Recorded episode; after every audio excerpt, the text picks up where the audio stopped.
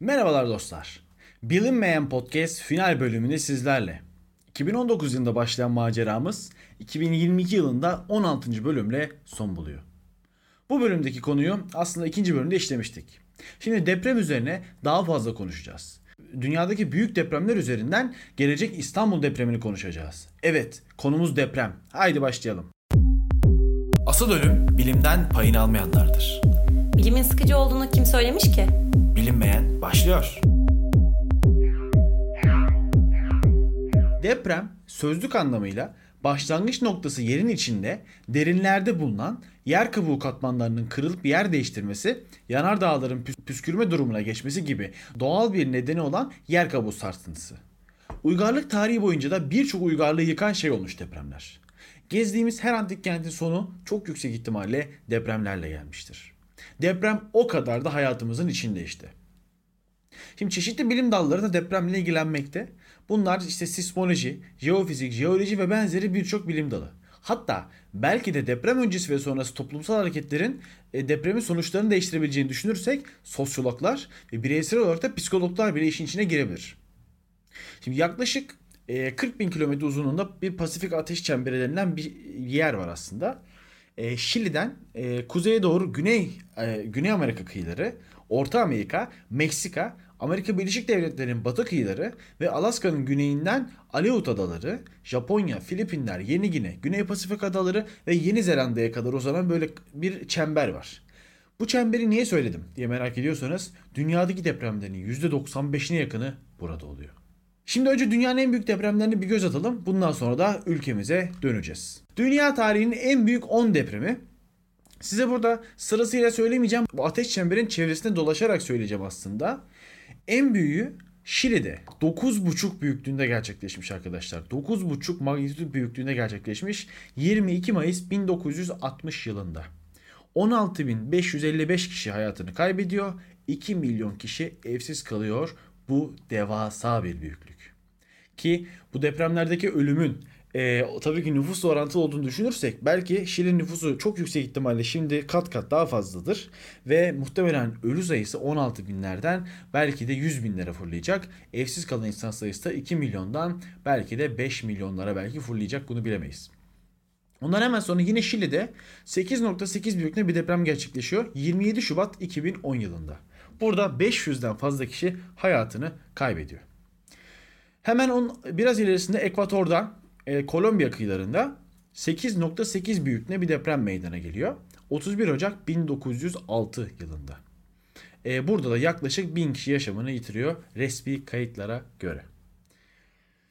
E, ilerliyoruz yine bu ateş çemberinde. Kuzey Amerika'ya geçtikten sonra Alaska'ya doğru geliyoruz. Alaska'da tam olarak Alaska depremi diye 9.2 büyüklüğünde 28 Mart 1964'te bir deprem meydana geliyor. 128 kişi hayatını kaybediyor. 310 milyon dolarlık hasar oluşuyor. Hayatını kaybeden insan sayısının bu kadar az olması muhtemelen Alaska'daki nüfus yoğunluğunun çok düşük olması. Hatta Kuzey Amerika'nın birçok yerinde olduğu gibi. Ee, Alaska'da ee, yine Rat Adaları açıkları diye bir açıklıkta çok büyük bir deprem meydana geliyor. 8.7 büyüklüğünde 4 Şubat 1965'te meydana geldi. Ee, yine açıklarda yer alması ve işte zaten e, hani Alaska'nın hem Alaska hem de Alaska'nın karşısındaki işte kıyıda e, olabildiğince az insan yaşaması yaşaması nedeniyle muhtemelen e, e, can kaybı da bu yüzden yaşanmıyor. Hemen az ilerisinde Rusya'nın Kamçatka'da ee, yine can kaybı yaşanmayan 9.0 büyüklüğünde bir deprem meydana geliyor. 4 Kasım 1952'de. Biraz ilerliyoruz Japonya'ya geldik. Japonya Tohoku e, depremi ünlü bir depremdir. 9.1 büyüklüğünde oldu. 11 Mart 2011'de gerçekleşiyor. Ve 19 bin kişi hayatını kaybediyor. Ben bu depremi ana haber bültenlerinde hatırlıyorum. Böyle kocaman gökdelenlerin sallandığı fakat insanların hiç paniğe kapılmadığı bir e, sahne hatırlıyorum. Bu de, o sahneler bu depremden. E, Tibet'e geliyoruz. Biraz daha ilerliyoruz Japonya'dan.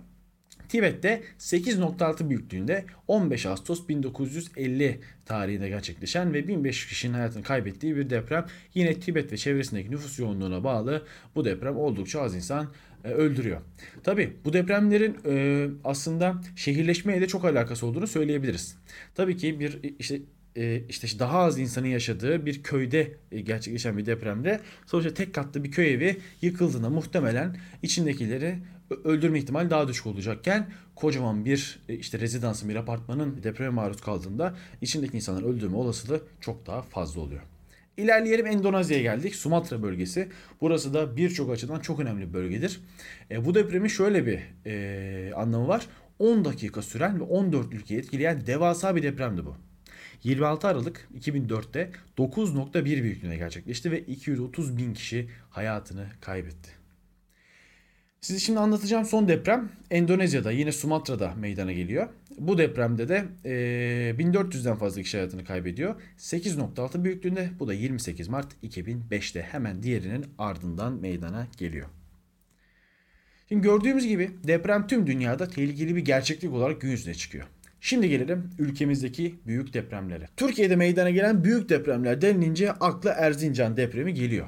27 Aralık 1939'da 33 bin kişinin hayatını yitirdiği, 100 bin yaralı olan ve 116 bin tane binada hasara neden olan Erzincan depremi. 7.9 büyüklüğünde. Bu depremle Erzincan şehir merkezinin yerinin fay hattından biraz daha ileriye taşındığını da okumuştum. Ee, devam edelim. Ee, Çaldıran depremi var. 1976'da 7.5 büyüklüğünde Van Muradiye'de Çaldıran köyü sanırım köyde gerçekleşiyor. 24 Kasım 1976'da e, 3800 e, can kaybına 9232 binada hasar e, karşılık veriyor. Gelelim 7.4 ile namı değer Gölcük depremi, Kocaeli depremine 99'da 17 Ağustos 1999'da 45 saniye sürüyor süre olarak. E, 18.373 can kaybına 25.000 yaralı eşlik ediyor. Gelelim 7.2 olan depremlere. Biri e, yine Gölcük depreminden e, birkaç ay sonra meydana gelen 1999'daki Düzce depremi. 12 Kasım 1999'da 30 saniye süren Düzce depremi 894 tane can kaybına 2679 tane yaralıyı ekledi. Çok yakın zamanda 2011'de Van depremi 7.2 büyüklüğünde 2011 yılındaki Van depremi meydana geldi. 601 e, tane can kaybı yaşandı. Ee, Elazığ depremi var. 24 Ocak 2020'de yine çok yakın bir zamanda Elazığ'ın Sivrice ilçesinde 41 kişinin hayatını kaybettiği, 1000 kişinin de üzerinde insanı yaralandığı önemli bir depremdi. Geliyoruz İzmir depremine. Bu da yine 2020 yılında İzmir'deki Seferihisar depremi hatırlarsınız. 30 Ekim 2020'de gerçekleşiyor. 116 kişi hayatını kaybediyor, 1034 kişi ise yaralanıyor. 2003 Bingöl depremi 6.4 büyüklüğünde 1 Mayıs 2003'te gerçekleşiyor. En az 176 kişinin öldüğü raporlanırken 625 binada hasar meydana geliyor. Şanslıyız ki Türkiye'deki depremler az önce saydıklarım gibi yani o Pasifik Ateş Çemberi'ndeki gibi 8'ler 9'lar değil. Ama yine de Türkiye'de çok önemli bir sıkıntımız var. Bilinçsizlik. Bilmiyoruz. Yani burada mesela işte 7.2 büyüklükteki Van depreminde 601 tane can kaybı aslında göze biraz az gelebilir. Çünkü şu anda İstanbul'da ortalama bir rezidansta yaşayan insan sayısı belki 600'den fazladır bile zaten. O yüzden e, insanlar bunu çok hor görüyor olabilir. Fakat şunu atlamayalım. Bakın İstanbul'da meydana gelen ki İstanbul'da da değil Gölcük'te. Yani İstanbul'u aslında İstanbul nüfusunun daha fazla olduğu Avrupa yakasına uzak bir yerde meydana gelen Gölcük depremi bile 18.373 can kaybına sebep oldu. Van'daki depremin 601 can kaybına neden olması muhtemelen daha e, kırsal bölgede meydana gelmesiyle alakalı olacaktır. Yani nüfus ne kadar çoksa ve yapı kalitesi ne kadar azsa ölüm o kadar artıyor. Evet, şimdi podcast'i bir sonuca bağlayalım.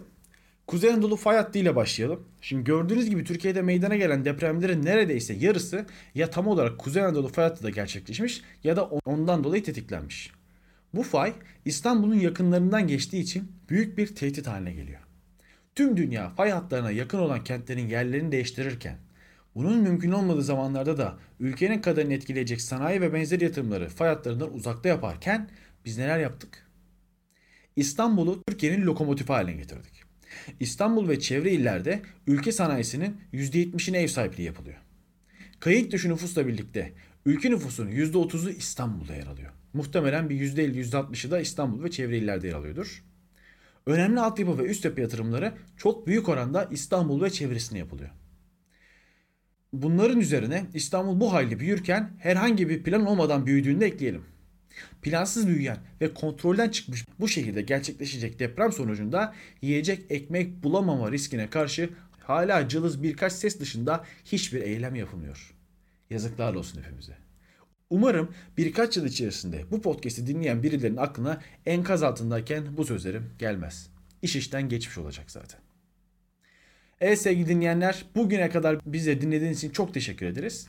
Bir sonraki bölümde görüşemiyoruz artık malumunuz. Bilinmeyenin son bölümü biter. Sağlıcakla kalın.